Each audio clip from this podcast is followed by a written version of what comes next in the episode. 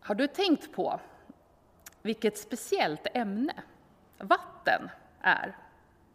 Det har helt unika egenskaper som är en förutsättning för att vi ska kunna leva. Ja, dels är det ju så att vi överlever inte eh, om vi inte får dricka vatten. Men vatten är också en förutsättning för liv. Och när vi letar ute i rymden efter liv så är det vatten vi letar efter, därför att vatten har en så central egenskap för liv. Det är också så att vatten omnämns mer än 700 gånger i Bibeln. Och det är ofta en bild för det livgivande.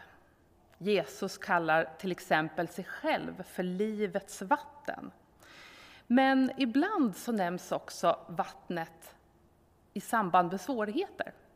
Och det ska vi läsa om idag.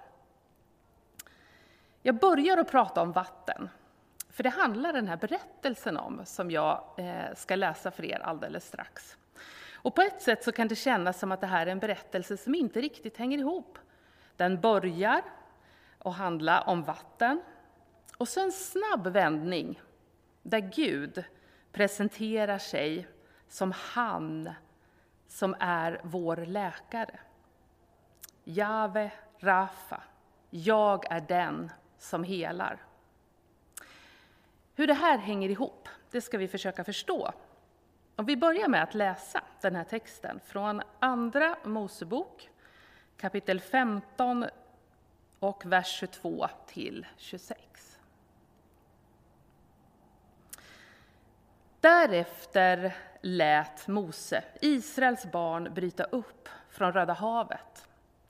Det här var eh, alldeles efter eh, Israels folk hade blivit befriade ifrån slaveriet i Egypten. Så de bröt upp och de drog ut i öknen Shur. Under tre dagar vandrade de i öknen utan att finna vatten. Sedan kom de till Mara, men de kunde inte dricka vattnet där eftersom det var bittert. Därför kallade de platsen Mara. Då klagade folket mot Mose och sa, vad ska vi dricka? Men han ropade till Herren, och Herren visade honom ett slags trä. Han kastade det i vattnet, och då blev vattnet sött. Där förelade han folket lag och rätt, och där satte han det på prov. Han sa, om du hör Herren, din Guds röst, och noga lyssnar till hans bud och håller alla hans stadgar, ska jag inte lägga på dig någon av de sjukdomar som jag la på egyptierna. För jag är Herren, din läkare. Ja, hur ska vi förstå det här? Och vad kan vi lära oss ifrån den här texten? Så här tänker jag. Eh, vi börjar i änden med folket. Eh, alldeles innan det här stycket så berättar jag att de har blivit befriade och alldeles innan i kapitel 15 så är det en lång lovsång till Gud i tacksamhet eh, för att han har befriat dem. Men så går det några dagar. Man har vandrat tre dagar i öknen utan vatten. Eh, det är ganska lätt att förstå att det inte är en rolig situation. Jag tänker att de flesta av oss inte har den erfarenheten, men vi har väldigt många erfarenheter som liknar den. Att gå på livets väg och hamna i återvändsgränder. Att hamna i situationer där vi känner oss utlämnade, där vi inte vet hur vi ska komma vidare. Att vi kanske till och med hamnar i situationer där vi inte vet hur ska jag överleva det här? Känslan av att det finns inget hopp, det finns ingen räddning och jag har ingen idé om hur jag ska lösa det här. Det hände också någonting med folket. De började klaga. Och precis så där kan det ju vara för oss också. Och jag tänker så här att det är inte fel att klaga. Vi har väldigt många exempel på, i Bibeln på eh, människor som klagar inför Gud. Och det får vi göra. Men det finns något speciellt med när klagan får leva kvar. När bitterheten tar plats i oss.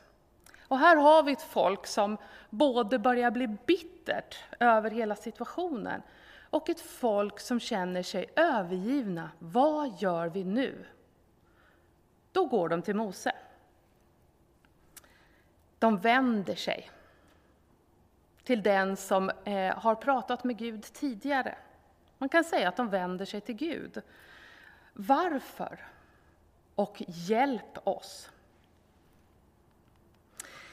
Mose, han i sin tur, han går till Gud och så frågar han, vad ska jag göra? Han får instruktioner från Gud. Han tar en speciell slags träbit, slänger den i vattnet. Och det här vattnet som var bittert, som inte dög till att dricka, det blev sött. Vatten ska inte vara bittert. Det är inte en av de egenskaperna som vattnet hade från början. Vattnet ska vara sött så att det går att dricka och det ska vara livgivande. Jag tänker att den här träbiten, när jag läser den här texten, för mig blir det en symbol för det som hände på korset. Eh, på det, den träbiten, tänker jag. Jag tänker på det som Jesaja sa. Det var våra sjukdomar han bar. Det var våra smärtor han tog på sig. Det som hände på korset gjorde en skillnad för våra sjukdomar, för vårat liv. Där Jesus säger att han tar våra smärtor på sig. Och så efter att allt det här har hänt, så berättar Gud för Mose och för folket vad han vill, vad han längtar efter. Hans längtan och vilja är att vara vår läkare. Som inte bara lappar ihop. Hans längtan är att ge friskt och sött, livgivande vatten som ger liv och som återställer människan till något helt. Förutsättningen är att vi bjuder in honom, att vi vill ha honom i våra liv, att vi vill lyssna till det han vill säga till oss. Han önskan, säger han här, är inte plågorna som fanns i Egypten, Hans längtan är att göra människan hel.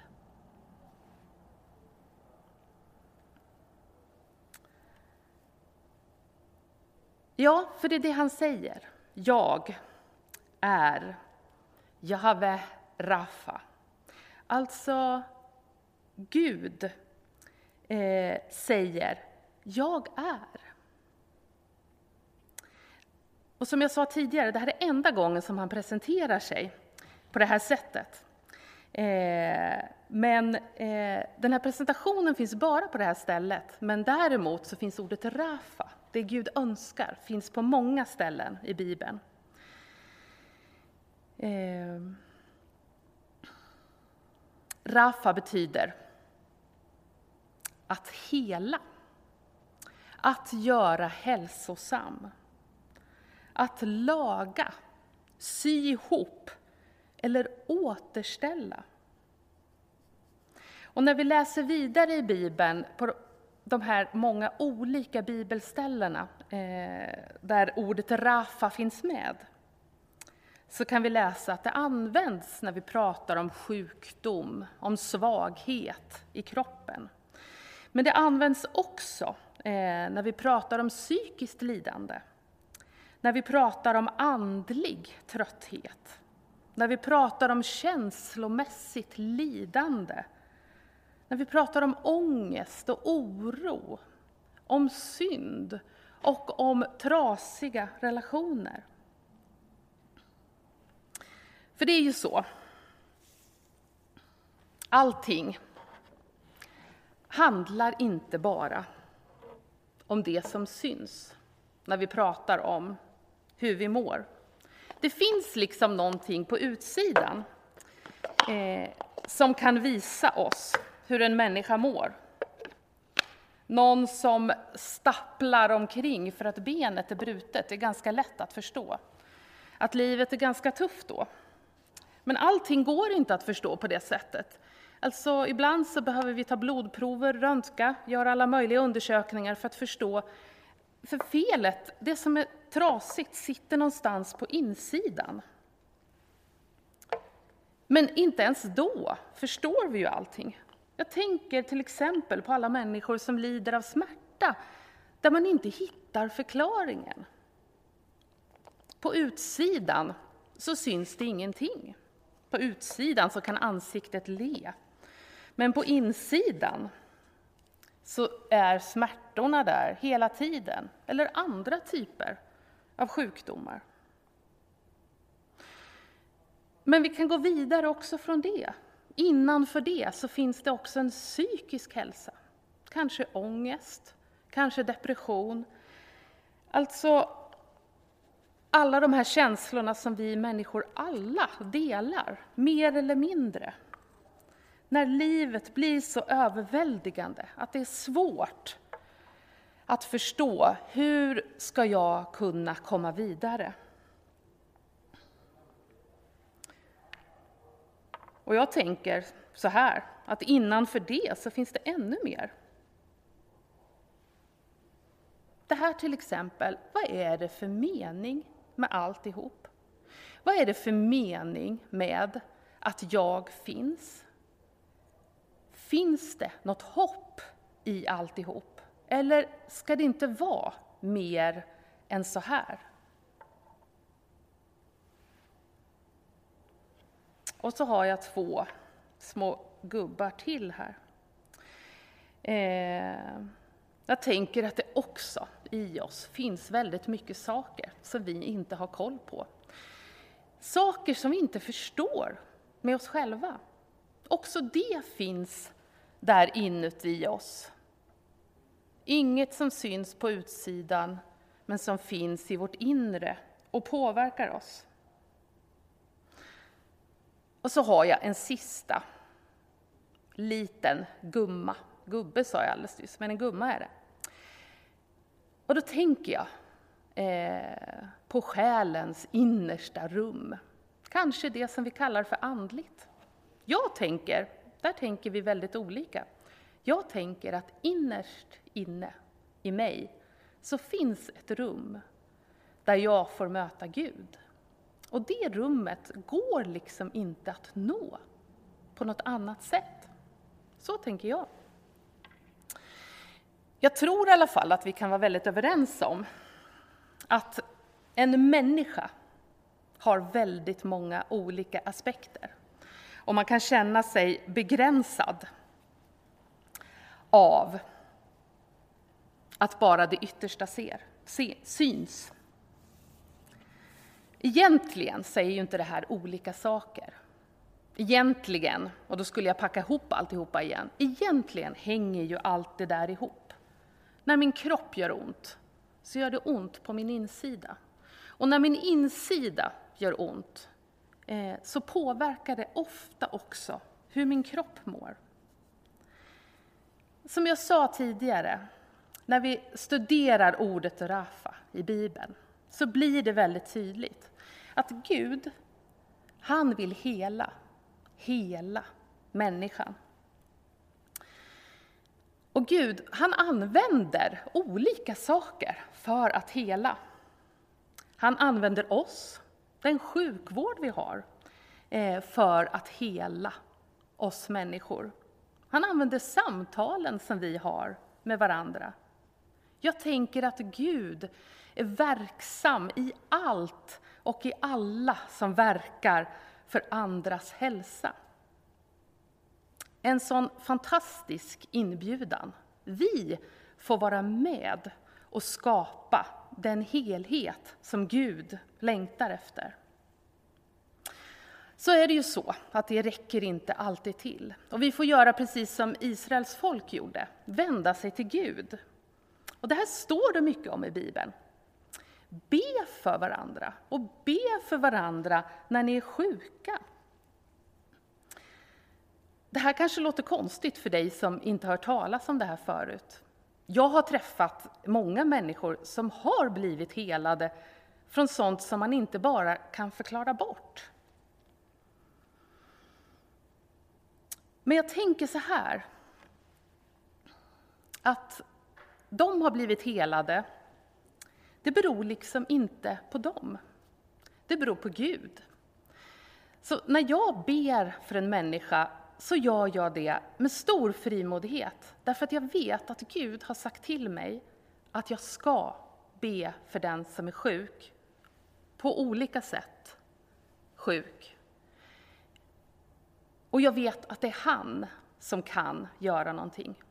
Jag vet att det hänger inte på mig, på att jag är riktigt duktig, på att jag kan formulera mig på ett bra sätt, eller för att jag tror så enormt mycket. Det är inte oss det beror på. Vi får gå till Gud och du kan gå till Gud där du är och be om helande. En viktig sak med Guds helande är att det helar och inte skadar. Så var varsamma med varandra när ni ber för varandra. När helandet inte kommer på en gång så vet vi att Gud så innerligt förstår hur tufft det är och att han finns med ändå. På så många sätt, även om vi inte kan se och förstå, så är han med. Och han är med på sätt som vi inte kan se och förstår. Och vi får leva i vissheten att han vill att vi ska få vara hela. Gud verkar på så många sätt, i oss och i världen. Och om vi ska prata om Bibeln eh, så finns det linjer som går från början till slut. Och jag tänker lite, nu ska vi dyka ner i Bibelns sista bok, Uppenbarelseboken, som talar om vår framtid. Eh, och här fortsätter linjerna med vatten och helande. Jag läser från Uppenbarelseboken 21, vers 3 6. Och jag hörde en stark röst från tronen. Se, nu står Guds boning bland människorna. Han ska bo hos dem, och de ska vara hans folk, och Gud själv ska vara hos dem. Han ska torka alla tårar från deras ögon.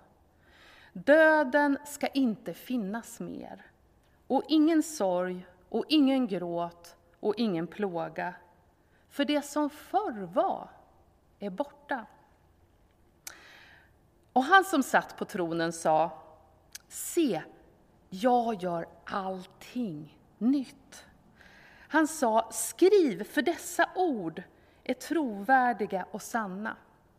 Sedan sa han till mig, det har skett. Jag är A och O, begynnelsen och änden. Åt den som törstar ska jag fritt ge ur källan med livets vatten. Och så fortsätter vi några verser senare i eh, kapitel 22 och läser två första verserna. Och han visade mig en flod med livets vatten, klar som kristall, som går ut från Guds och Lammets tron. Mitt på stadens gata, på båda sidor om floden, står livets träd. Det bär frukt tolv gånger, varje månad ger det sin frukt och trädets löv ger läkedom åt folken. Gud har sista ordet. Här pratas om en flod med livets vatten, läkedom åt folken, livets vatten åt alla som törstar. Det pratas om se, något helt nytt. Ett vatten som är ännu mer speciellt än det här vattnet är.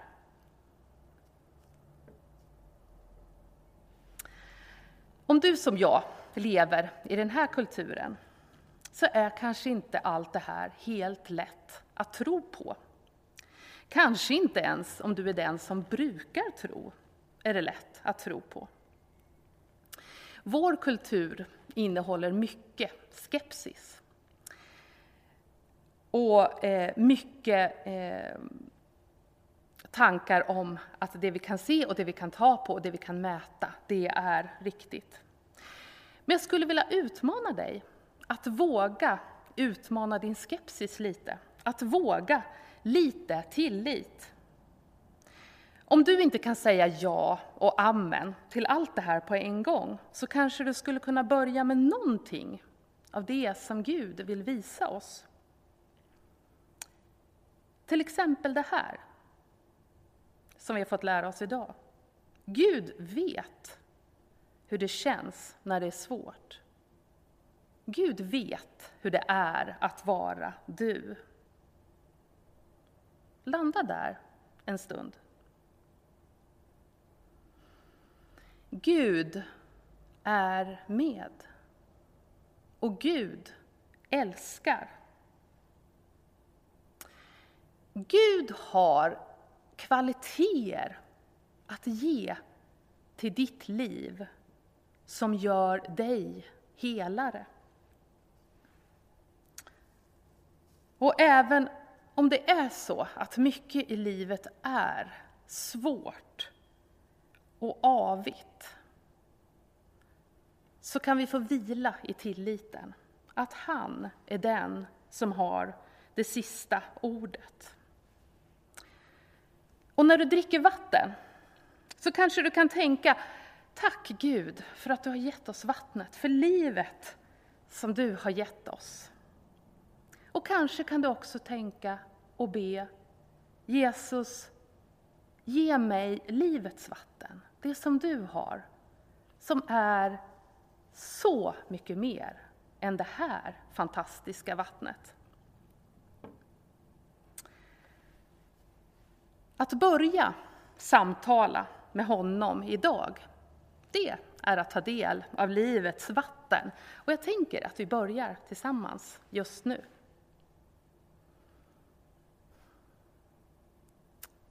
Gud, tack att vi får komma till dig idag. Precis som Israels folk vände sig till dig, precis som Mose vände sig till dig, så vänder vi oss till dig nu, Gud. Och du vet vad vi kommer med, för du känner oss. Du känner mig, det som är tufft i mitt liv. Du känner den som sitter och lyssnar och du vet precis hur den vägen ser ut. Du vet precis vad som är svårt. Och du har sagt att du vill komma med livets vatten till oss och det tackar jag dig för, Gud. Jag ber för den som vänder sig till dig nu. Jag ber att de ska få förstå att du är där. Och jag ber att du ska röra den person, Gud, de personer som behöver ditt helande på olika områden. Tack Gud för att du är den som helar. För många tusen år sedan, idag, och som till slut ska få sista ordet. Amen.